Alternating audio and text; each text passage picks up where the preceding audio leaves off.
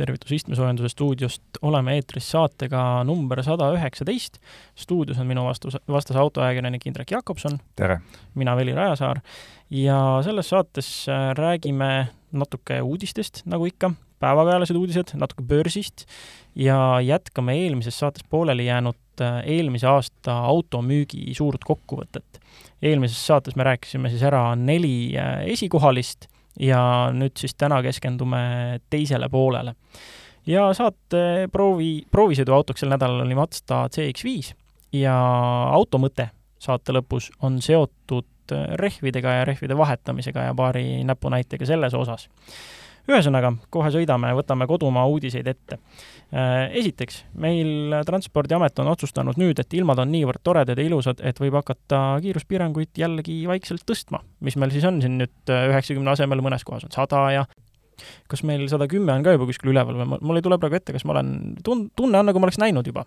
oled küll päris mitmel lõigul on tegelikult talvel olnud ka sada kümme üleval ja need on need kohad, kus Transpordiamet võimaldab siis äh, sõidukiirust reguleerida vastavalt ilmastikuoludele ja puudutab siis ennekõike neid kaks pluss kaks lõike, mis meil on. ja sada on stabiilselt ju aasta ringi üleval nendel lõikudel, mis on kaks pluss üks, ehk siis ennekõike sellised äh, kohad, mis on Tallinn-Tartu maanteel ja Tallinn-Pärnu maanteel aga nüüd siis äh, need muudatused puudutavad ennekõike neid kaks pluss kaks lõike, kus on siiani stabiilselt olnud lubatud ainult üheksakümmend või siis sada, see puudutab siis Haljala kanti, et nüüd siis seal saab äh, tasapisi kõikjale sada kümme piirangud üles. ja sada kakskümmend hakkab siis ka olema lubatud Tartu maantee sellel kõige, kõige uuemal lõigul no ühesõnaga, suvi on, suvi on saabunud mitmes mõttes. Äh, järgmiseks mõned Hyundai uudised. Äh, noh, see ei ole enam mingisugune suur uudis, et Ioniq viis ja sõsarauto Kiia EV6 teevad ilma igasugustel aastaauto konkurssidel, valimistel, igasuguste ajakirjade edetabelites. nüüd on siis Ioniq viis teinud puhta vuugiga maailma aastaauto valimisel. et Ioniq viis on ühe hooga nii maailma aastaauto, maailma aasta elektriauto kui ka maailma aasta autodisain, ehk siis kolm kategooriast viiest, mis seal oli. no lisaks on ta aasta auto Eestis, mis on võib-olla kõige tähtsam meie jaoks, jaa, see väga tähtis. aga nali naljaks, äh, tegelikult see ei ole ju mingi uudis, et uudis oleks see olnud siis, kui Ioniq viis ei oleks võitnud, sest no noh, mis ole-, mis, mis juhtus, mis nüüd siis, kas jäi märkamata see auto või? ei noh, see on auto, mis on konstrueeritud spetsiaalselt võitmaks kõikvõimalikke auhindu, konkursse, ta on täpselt selline. Omapärase disainiga, piisavalt luksuslik, täiselektriline, laeb kiiresti, no mida hinge veel tahad? absoluutselt, noh, EV6-ga sama lugu ja eks Hyundai ju laiendab oma seda mudeli vale, valikut järjest, et kes kes läheb näiteks Accelerista lehele ja lööb sisse otsingusse Hyundai, see leiab äh, Hyundai väga põhjaliku järgneva paari aasta plaani, et seal oli vist nii, et kolm, kas kolmekümnendaks juba, kahe tuhande kolmekümnendaks aastaks äh, seitseteist uut täiselektrilist mudelit. et sealhulgas nüüd siis äh, Ioniq kuute muudkui reklaamitakse. no Ioniq kuuest oleme tegelikult siin saates paar korda rääkinud ka, aga nüüd on asi sealmaale, et Hyundai täitsa häbitult näitab seda juba ilma maskeeringuta aeg-ajalt ja Äh, paar aastat tagasi nägime selle prototüüpi, Professor oli selle nimi, Professor Concept, ja ütleme ausalt, see, mis on välja kukkunud, näeb äh, välja ilusam kui prototüüp, seda ei juhtu maailma autodisainis väga tihti, aga Hyundai'l on see õnnestunud ja müts maha, et see Professor oli natukene niisugune järeleahvitud Porsche moodi, aga uus äh, Ioniq kuus, ta meenutab stiililt TV6, aga ta on väljapeetumalt, ta ongi kohe selline normaalne, ilus laukpära. ma loodan, et selle spoileriga ei rikuta disaini lõplikult ära. no ja tehnilised andmed on põhimõtteliselt ka kõik samad, mis, kuna platvorm on sama, siis samad, mis EV6-l, Ioniq viiel Äh, jällegi vaadata kas või seda, et tal on seesama ülipikk teljevahe, peaaegu kolm meetrit, on ju, tal on see seitsmekümne seitsme koma nelja kilovatt-tunnine akupakk ja sõiduulatust kusagil viissada viisteist kilomeetrit lubatakse. ja ajame valikut siis ka vastavalt sellele, kas tagavedu või nelikvedu, saad siis sada kuuskümmend kilovatti või kakssada kolmkümmend kilovatti. ja no pluss kindla-, noh muidugi see vast olulisem asi, et see kaheksasaja voldine laadimisarhitektuur. jah, aga muidugi see viissada viisteist kilomeetrit et äh, läbi sõita ühe laadimisega ei tasu unustada, et see on paberil ja meie Eesti tingimustes äh, talve poole see ei pruugi nii palju olla, aga noh, kui sealt ka nelisada on alles, siis see on elektriautode turul ikkagi kõva sõna. jaa, absoluutselt, nendes uuringutes ei ole Ioniq vähemasti selles mõttes kehva olnud, et kellel kukuks talvistes oludes see läbisõit mingisugune nelikümmend protsenti, nagu siin mõnel äh, kehvemal ja vanemal elektriautol. aga ma ei saa jätta märkimata, et et Volvo XC40 Recharge oli siiamaani ainukene, kes tegi seda, mida lubas, et see on midagi oli hästi... aus ikka, jah? oli aus ja, jah, see on täiesti midagi jahmatavat. Äh, noh, aastaautodest rääkides äh, otsustas siin äh, ka meeste ajakiri GQ just ära, et mis on nende aasta linnaauto. mis sa arvad, mis see võiks olla? no eks siin kaks võimalust on, et kui G, siis võib-olla Genesis, aga kui G6, siis Q vihjab nagu Audile. hakkad kohe ajakirja nime põhjal pakkuma, mis võiks olla ja ei, ma tõesti no, ei tea. sest äh, ütleme, vihje peitub selles, et GQ ei ole mitte siis äh, meeste ajakiri, kus äh, oleks äh, palju paljast vastassugupoole ihu, vaid pigem meeste ajakiri, mis keskendub siis sellele, kuidas hoida oma habe korras ja juuksed ilusad ja noh, hästi lõhnata ja nii edasi et nende, nende aasta linnaauto on äh, täiselektriline Fiat viissada E hoopiski. ups.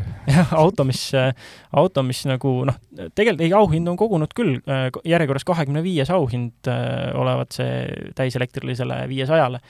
Aga seal jah, kiidetakse, et ikka väike ja linnas mõistlik ja kiiresti laeb ja kõik asjad ja näeb tore välja ja et noh, ühesõnaga hoopis selline, et ei, ei olnud seal mingisugune, ma ei tea, RAM tuhat viissada või mingisugune muskel, mis, mingisugused asjad, millega teistest üle rullida, üldse mitte midagi ülimaskuliinset, vaid hoopiski väike nunnu viissada E. aga elektriline? jaa. ja börsiuudise juurde jõuame nüüd ja kes muu kui Elon Musk annab jälle meile kõneainet. jah, et Elon Musk tembutab jälle. et et äh, vahepeal on ta jõudnud teatada, et talle ei piisa sellest üheksa koma kahe protsendilisest osalusest Twitteris, mis ta sai ja kohta nõukogus ta ka vastu ei võtnud, mida talle pakuti, sest kui tal oleks koht nõukogus, siis see piiraks tema osaluse suurust.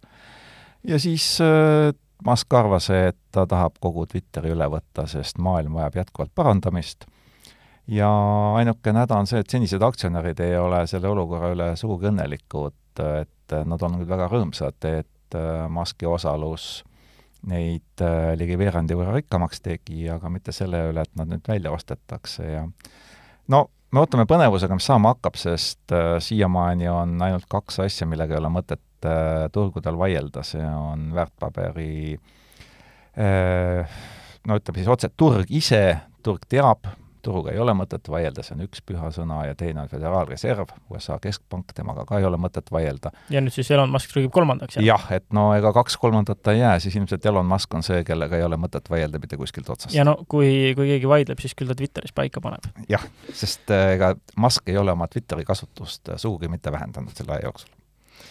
Äh, läheme nüüd selle saate põhiteema juurde ja see on siis jätk eelmise saate neljale suuremale müüjale korra ütlen kähku edetabeli ära esimesest neljanda kohani, kellest me eelmises saates põhjalikumalt rääkisime, olid äh, esikohal Toyota, kes müüs kümme ja pool miljonit autot kahe tuhande kahekümne esimesel aastal. teisel kohal kogu Volkswagen Grupp, kes müüs kaheksa koma kuus miljonit autot terve eelmise aasta jooksul. kolmandal kohal Renault, Nissan, Mitsubishi, Allianz, kes müüsid seitse koma seitse miljonit autot ja neljandal kohal siis Hyundai Motor Group, see on siis koos Kiaga, äh, müüdi põhimõtteliselt kuus koma seitse miljonit autot aga kellest me selles saates äh, täpsemalt räägime nüüd, on, kes riburada pidi järgi tulevad, Stellantis, General Motors, Honda, Ford, Suzuki ja BMW on siis äh, vastavalt meile neljas kuni kümnes koht. niisiis, viies koht ja Stellantis Stellantise puhul on muidugi aasta läinud tal tunduvalt paremini, kolm koma üheksa protsenti müügikasvu ja peaaegu kuus koma kuus miljonit autot müüdud, et astub täitsa niimoodi neljandale kohale kandadele, aga aga see on muidugi kaugel kaheksa koma ühest miljonist, mida nad oleksid müünud siis, kui oli aasta kaks tuhat üheksateist, kui Fiat Chrysler ja PSA olid eraldi võetuna, oleks siis need kokku summeeritud.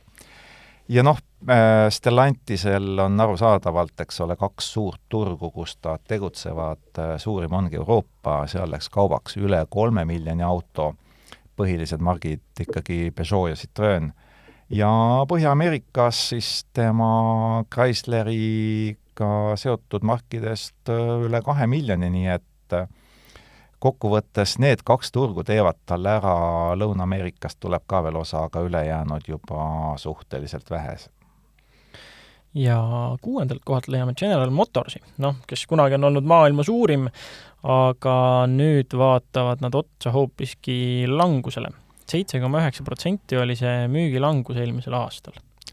et kahe tuhande seitsmeteistkümnes aasta oli General Motorsi jaoks kahtlemata murranguline, sest sel aastal müüdi ära Opeli ja Vauxhalli, mis on siis inglisepärane Opel Nende kogu müük ja kõik sellega seotud operatsioonid Euroopas, äh, siis pandi kinni Holden, mis oli Austraalia ikoon, Austraalia kõige tuntum automark, seejärel võeti ja viidi Holden välja ka kõikidelt nendelt parempoolse rooliga turgudelt, kus seda müüdi ja järgi jäigi ainult neli sellist suurt piirkonda, USA ja Põhja-Ameerika, Hiina, Lähis-Ida ja Ladina-Ameerika ja Euroopas on General Motorsi müük praktiliselt otsas kõige suuremaks turuks on tegelikult ikkagi Aasia, et seal läks äh, kolm koma kolm miljonit autot kaubaks, aga käive kukkus samal ajal kolm ja pisut rohkem protsenti.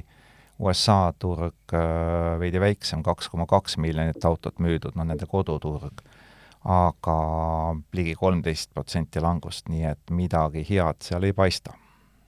Ja, ja huvitav on näha seda, et äh, Chevrolet sõiduautod kukkusid peaaegu nelikümmend kolm protsenti müügis. et noh, põhimõtteliselt kõik asjad on languses, välja arvatud Puik, kes tegi siis äh, Ameerika turul tillukese kümneprotsendise tõusu, aga kõik muu on olnud siin äh, languses. et äh, noh, aga samas meil siin eurooplastena ei olegi nagu, ega meil sellest General Motorsist siin nagu suurt ma ei tea, ma ei oska neist nagu puudust tunda, ütleme nii no kui ikkagi Cadillac ära kaoks, siis oleks natukene pisut igavam see noh, kuidas nüüd öelda, tänavapilt on vale öelda, ega teda tihti ei kohta, aga need mõned üksikud, mis liiguvad, need annavad natukene sära juurde. no eks tore on ka muidugi näha, kui mingisugused Chevrolet Corvette'i uuemad äh, põlvkonnad äh, ringi vuravad. aga jah, seda on ikkagi nagu väga, väga, väga vähe ja noh, seitsmendalt kohalt me leiame Honda ja ega nendega tegelikult ka ju ei ole siin, siinmail väga roosiline juba mõnda aega olnud Honda ju tegelikult meenutame kakskümmend viis aastat tagasi, kui Honda Civic oli täitsa rahvaauto ja siis tuli Honda CRV, mis oli jälle täitsa rahvaauto, aga aastas müüdi pisut üle nelja miljoni auto, kuus koma viis protsenti vähem kui mullu ja noh, igal pool kehvasti ja Ameerikas eriti kehvasti, et äh, kuigi Aasia turg on tema jaoks kõige suurem, pisut alla poole seal läks kaubaks, siis Põhja-Ameerikas üks koma kolm miljonit, äh, koduturul Jaapanis äh, viissada kuuskümmend tuhat siis Euroopas suutis Honda müüa ainult sada tuhat autot terve aastaga ja seda on ikka päris vähe suure tootja kohta. ja samas, kui vaadata võrreldavalt kahe tuhande kahekümnenda aastaga, siis see sada tuhat on ainult kuue, äh, kuue ja poole protsendine kukkumine. ehk siis see tähendab seda, et noh, ongi laias laastus müüdi kaks tuhat kakskümmend siis noh, mis ma ei tea, sada kümme tuhat umbes, midagi sellist, on ju. et Hondal ei lähe juba pikemat aega Euroopas hästi ja kui me siin ümberringi vaatame, siis äh, tõepoolest, ega uusi Hondasid liigub järjest järjest vähem. jah, täpselt. ja noh, ega neid tuleb ka järjest vähem, on ju.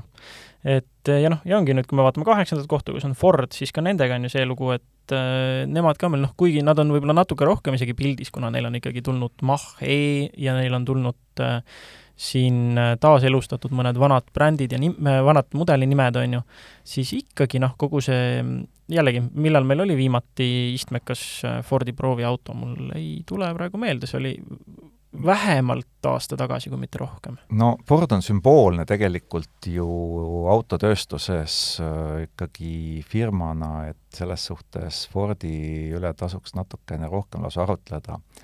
kõigepealt seda, et Ford oli üks nendest, kes sai kiibikriisiga ikka koledasti pihta, et eks pihta said kõik, aga Ford oli üks rohkem pihta saanuid mis ta veel tegi? eelmine aasta pani Brasiilias tehased kinni, kahandas edasimüüjate võrgustikku, aga mida see tähendab, see tähendab seda, et äh, kõik autod, mis Brasiilias müüakse, tulevad nüüd importi ja see tähendab seda, et sinna juurde tulevad maksud ja omakorda on müük jälle kehvem ehm, aga Euroopas läks müük samamoodi alla ja mis said kõige rohkem Euroopas mudelitena pihta, olid kaks põhimudelit, Fiesta ja Focus, et peaaegu poole võrra eelmise aastaga võrreldes.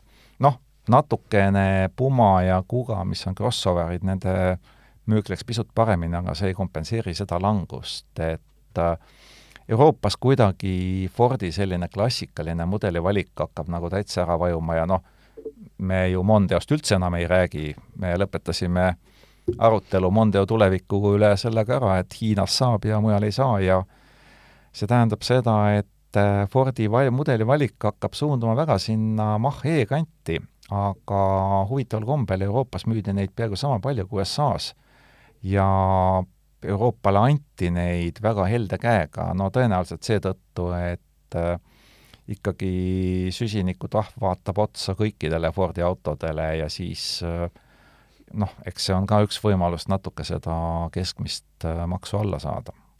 no mainitud äh, Mustang Mach-E uudismudelit läks Euroopas kaubaks äh, kahekümne esimesel aastal kakskümmend kolm tuhat nelisada tükki. ja lihtsalt võrdluseks, et siis algupärast Mustangit läks kaubaks ainult kolm tuhat seitsesada tükki, mis oli neljakümne kaheksa protsendine kukkumine. aga Euroopa suurimad müügimenukid Fordil olid uus Puma saja kolmekümne kahe ja poole tuhande mudeliga, mis oli kaheteistprotsendine kasv. ja huvitaval kombel on tal kannul väga napilt saja kolmekümne ühe tuhande autoga Ford Transit Custom, mis kasvas kolmteist protsenti selle müük siis eelnevaga võrreldes. Transit Custom on ju suhteliselt äh, suur, ütleme ikka, et ta on mikrobuss, ta ei ole isegi mahtuniversaal enam. jaa, absoluutselt. aga ta on üsna selline lihtsakoeline, et äh, see kuidagi annab tunda, et selline suurte mahtuniversaalide aeg hakkab äh, vist ikka tõesti maailmas läbi saama, et kui on vaja mitu inimest tõesti vedada, siis selle jaoks jäävad sellised väikebussid, ega need ei kao kuskile, aga C-Max, neid läks Euroopas mullu kaubaks kolm tükki, nii et see näitab, mis, mis on tegelikult selliste omal ajal väga populaarsete mahtuniversaalide tulevik. jah, aga samas, kui vaadata, mis furoor läks lahti selle Hyundai, nüüd vabandust, ma jään nime võlgu, aga ikkagi suure mahtuniversaalina reklaamitud auto, mitte väikebussi või kaubikuna, see futuristlik seitsme kuni üheksakohaline niisugune issand, mis alguses oli ka jutt, et ainult Aasia turule ja siis ikkagi kõik hakkasid muudkui karjuma, et tahaks Euroopasse ka. et noh, tundub, et Fordi jaoks on see suurte mahtu universaalide aeg nagu kindlasti läbi, aga, aga teiste puhul ma ei tea, see Hyundai tundub ikkagi täitsa, ütleme, imponeeriv. jaa, aga võiks olla tore, aga nüüd on ainus küsimus, kas sa ostaksid seda endale, sellepärast et see Hyundai oma ma mäletan, mul ei tule ka nimi meelde, aga me kõik teame, millest me räägime see nägi äge välja, äh, see oli tehnoloogiliselt tipptase, aga ilmselt äh, kui me näeksime selle hinnasilti ja paneme sinna kõrvale Transit Customi, siis äh, ärikliendil ei ole küsimust, mille kasuks ta otsustab ja need mõned üksikud fännid noh, need ei aja seda kriitilist massi kokku, et oleks üks mudel vaja siia tuua ja registreerida ja kõik sellega juurde käib. jah, nii et lõppkokkuvõttes me peame otsa vaatama kõiketeadvale turule, sest et just Aasias lähevad need suured mahtuniversaalid väga hästi kaubaks. et seal ongi, kõige rohkem olen ma seda undamist, et miks need meile siia Euroopasse ei tule, kuulnud just nende suurte mahtuniversaalide kohta, mis on Aasias, Aasia tootjatel ja noh, seal ongi ilmselgelt siis nagu näha, Fordile see ei, noh, see ei olegi prioriteet, see turg. no nii ta on aga liigume üheksandale kohale, kus on Suzuki, mille osas ma ka äh, eelmises saates natukene isegi äh, üllatust äh, üles näitasin. Ja sina siis kohe selgitasid, et miks see tegelikult üldse nii suur üllatus ei ole, et Suzuki on jah, üheksandal kohal peaaegu kahe koma kaheksa miljoni sõidukiga ja kasv oli kaksteist koma üheksa protsenti. Nad tulid sinna esikümnesse nüüd siis kahe tuhande kahekümnendaga võrreldes et äh, Suzuki sellest kahe tuhande kahe koma seitsmest miljonist äh, läks Euroopas kaubaks äh, kakssada kolmkümmend kuus tuhat ainult, ehk see on siis pisut isegi vähem kui kümme protsenti, Euroopa kasv oli peaaegu kakskümmend protsenti, et selles suhtes väga võimas abs-, suhtarvudes, aga absoluutnumbrites on see väga selge indikatsioon sellest, mis on Suzuki jaoks oluline, see on Aasia turg, üks koma kuuskümmend kaheksa miljonit autot müüdud, ehk siis noh, kõvasti üle poole. Ja vastavalt sellele Suzuki teeb oma mudelivaliku ja vastavalt sellele ta kas muretseb selle pärast, et tema suurepäraste maastikuomadustega Jimny noh, müüb Eestis täpselt nii hästi, kui ta müüb, ta võib olla ikooniline, ajast maha jäänud, Suzuki ennast sellest häirida ei lase. ja, ja samas Euroopa osas on ka asi suhteliselt äh, ilus Suzuki mõttes, ükskõik, et see müügiarv on väike suhtarvuna, alla kümne protsendi, siis äh, kahe tuhande kahekümnenda aastaga võrreldes on see ikkagi kakskümmend protsenti kasvu. ehk siis kui kaks tuhat kakskümmend müüdi pisut alla kahesaja tuhande auto, siis äh, kakskümmend üks müüdi juba peaaegu kakssada nelikümmend tuhat. auto iseenesest on ju hea. jah, absoluutselt ja kümnendal kohal on kahe koma viie miljoni eksemplariga hoopiski BMW, mis, mille elektrifitseeritud autot moodustavad kogu ettevõtte müügist peaaegu viisteist protsenti hetkeseisuga. jah, et BMW on nüüd suure hoolega hakanud oma i-mudeleid äh, juurde tootma ja noh, ega see suund on kõigil äh, autotootjatel Euroopas äh,, küsimus on selles, kui kiiresti lihtsalt selle peale minnakse, sest teatavasti äh, kolmekümne viies aasta on tähtaeg ja siis ei müü see enam ühtegi muud autot. Aga kuidas BMW-l läks, äh, läks päris hästi kõikidel turgudel, noh, välja arvatud Saksamaal, mis on küll koduturg, seal läks kuus koma seitse protsenti kehvemini, aga kogu Euroopas kokku läks jälle kolm koma üheksa protsenti paremini ja müüdi viiskümmend tuhat alla miljoni auto, nii et täiesti selline Äh, võrreldav number äh, Teslaga, aga kui nüüd kokku võtta kogu BMW müük, siis kõikidel maailmaturgudel kokku, siis kolm brändi ju BMW-le ainult kuulub, BMW, Mini ja Rolls-Royce. ja noh, ei ole ju küsimus, et kellel kõige paremini läheb, ikka Rolls-Royce'il, sest raha on maailmas äh, järjest rohkem, Rolls kasvatas müüki peaaegu viiskümmend protsenti, kaubaks läks üle maagilise viie tuhande auto ehk viis tuhat viissada kaheksakümmend kuus absoluutnumbrites võib-olla väike, aga eile tuli mullegi üks äh, ilus must Rolls-Royce tänaval vastu siinsamas Tallinnas, oli täitsa Eesti numbritega, nii et äh, et Rollsil läheb tõesti hästi ja, ja noh, Kullinan annab loomulikult tema müügist peaaegu poole, kaks tuhat nelisada kakskümmend kaks autot eelmine kord müüdud. Kost, uus mudel peaaegu kaks tuhat autot ja siis ülejäänud natukene vähem. ja no tasub mainida ka veel Daimlerit muuhulgas, kes tuleb siis üheteistkümnendal kohal kahe koma kolme miljoni autoga, kelle müük langes viis koma neli protsenti ja noh, siis juhtuski nii, et BMW müük kasvas, see, mis oli kolm koma üheksa protsenti, tulid, hüppasid ja võtsid Daimleri koha kohe naksti ära. Daimleri müügis oli kõige parem minek loomulikult Äh, linnamaasturitel, crossoveritel ja A-klassi, B-klassi CLA-d läks kaubaks kolmsada kakskümmend kolm tuhat, aga samas nende müük kukkus kakskümmend kaheksa protsenti võrreldes kahekümnenda aastaga näiteks. no aga A-klass on ka praeguseks hetkeks suhteliselt vana mudel, nii et meenutame, millal me sõitsime temaga kaks tuhat seitseteist, kaheksateist, midagi niimoodi, jah, ikka suhteliselt ammu. Jah, et selge, et äh, see koht on, äh, varsti tahab, noh, saabki täidetud teiste, teiste mudelite müügiga E-klassi läks natuke alla kolmesaja tuhande kaubaks, müük kukkus üksteist protsenti, C-klassi läks äh, kakssada nelikümmend tuhat kaubaks, müük kukkus peaaegu kakskümmend kolm protsenti aga mis tõusis kuuskümmend kaks, äh, peaaegu kuuskümmend kolm protsenti, on äh, muidugi S-klass. no S-klass elas ju üle mudeli ja, uuendused, ilmselt on siin eelmisi natukene odavamalt ära antud ja siis teine elanikkonnagrupp, kes ilmtingimata no, tahab tahad seda... kõige uuemat kohe tuleb võtta. noh, eks siis kahe peale kokku tuligi see nii hästi, et kuna vahet ei jäänud sisse jah, aga siin paraku ei ole seda linnamaasturite crossoverite jaotust äh, väga täpselt äh, lahti löödud, aga noh, mida me saame siin meelde tuletada, on ju see, kuidas vahepeal oli suur uudis, et G-klassi nüüd äh, enam tellimusi vastu ei võeta, sest et noh, üle book itud täielikult oli, oli kogu G-klass. no küll nad vast hakkavad jälle võtma, eks ole.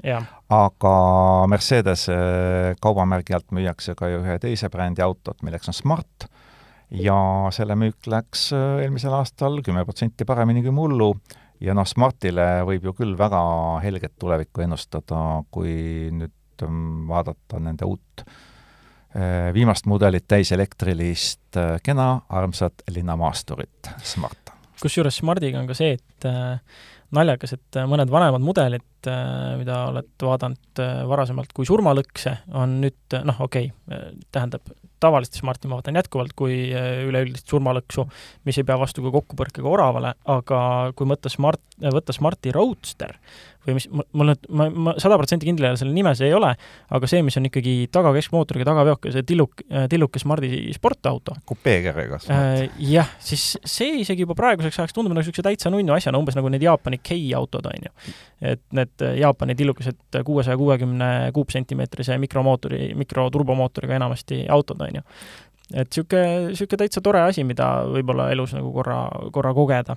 et naljakas lihtsalt, kuidas nagu ajapikku tekivad sellised äh, kerged roosad prillid. aga see on ikkagi sellisel juhul tegemist on hobiautoga, sest äh, Smart äh, igapäevakasutuseks, kui sa peaksid sõitma näiteks viiskümmend kilomeetrit äh, salongis, äh, kus praktiliselt puudub heliisolatsioon sinu ja mootori vahel, siis no see ei ole hea kogemus.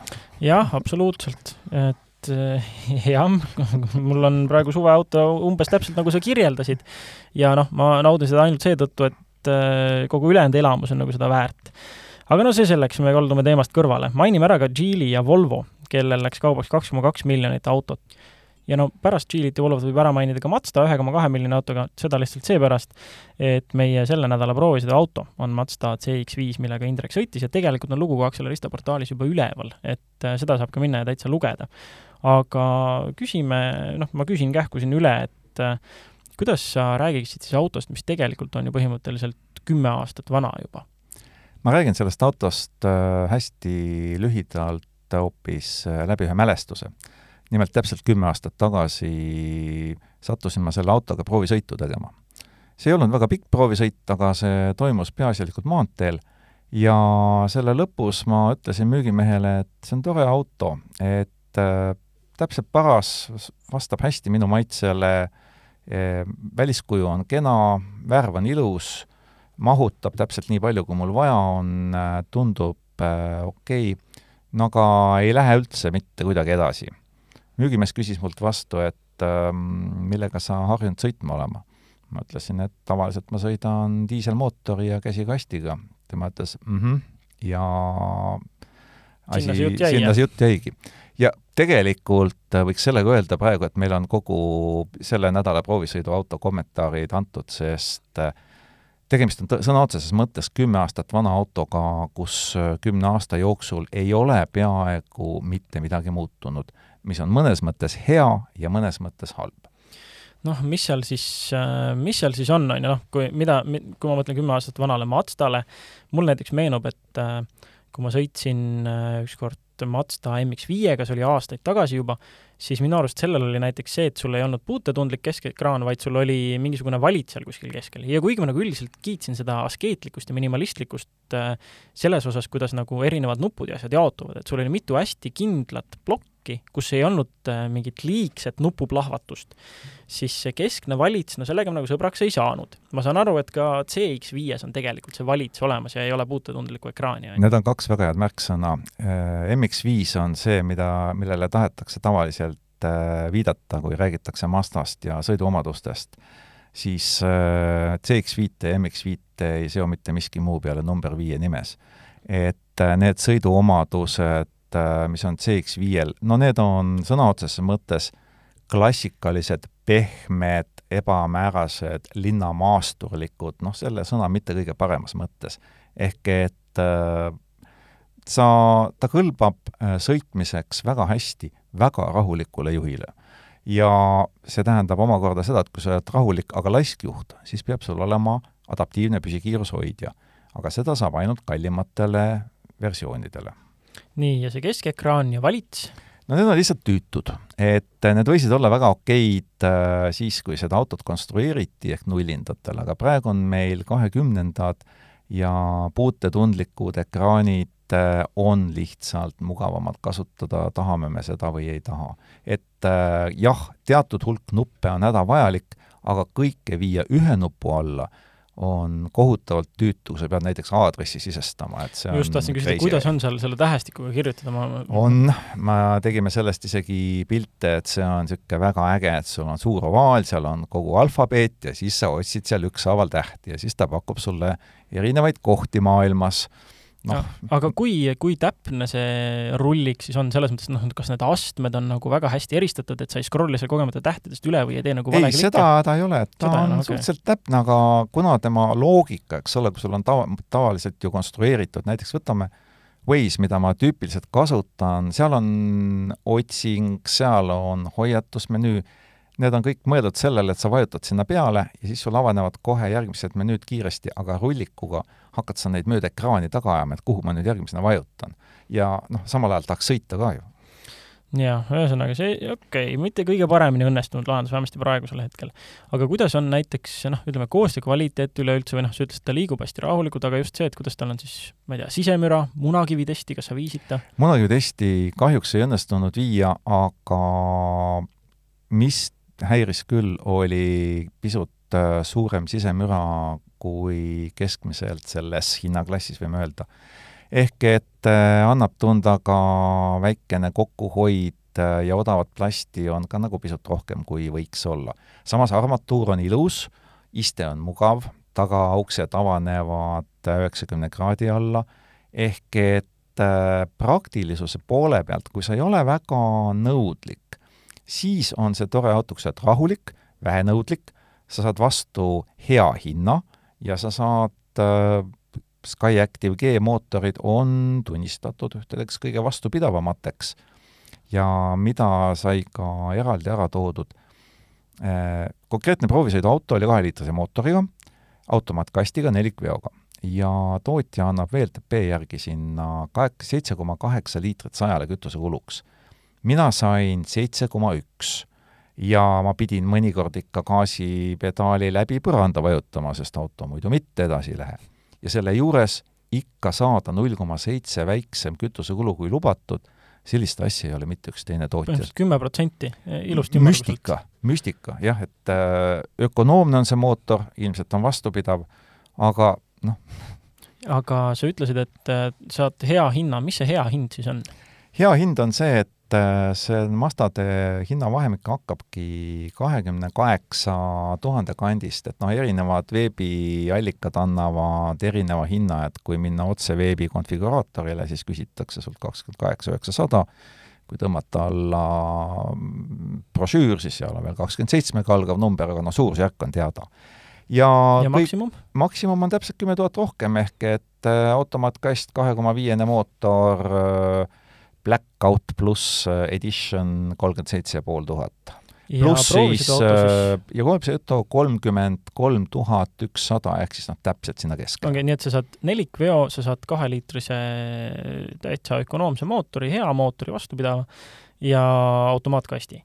jah, ja need tegelikult ju täiesti kõlab nagu selle raha eest suhteliselt okei okay pakett, lihtsalt ainuke asi ongi jah, see just, et äh, ikkagi ma saan aru, et vana, noh, see vananemine ei ole olnud äh, kõige väärikam lihtsalt. sa saad vastu täpselt need asjad, äh, mida sulle lubatakse, sa saad väga hea kombinatsiooni juhul, kui sinu jaoks ei ole oluline see, et sa kasutad äh, keskekraanil kõiki neid funktsioone, millega sa oled võib-olla teiste noh, ütleme, kahekümnendatel toodetud autode puhul harjunud ja kui sa sõidad noh, näiteks ma ei tea, Pärnust Narva, siis ei ole see väga oluline, sest teed on suhteliselt tühjad, aga kui sa sõidad Pärnust Tallinna, siis no siis rekkade taga kirud ja vannud.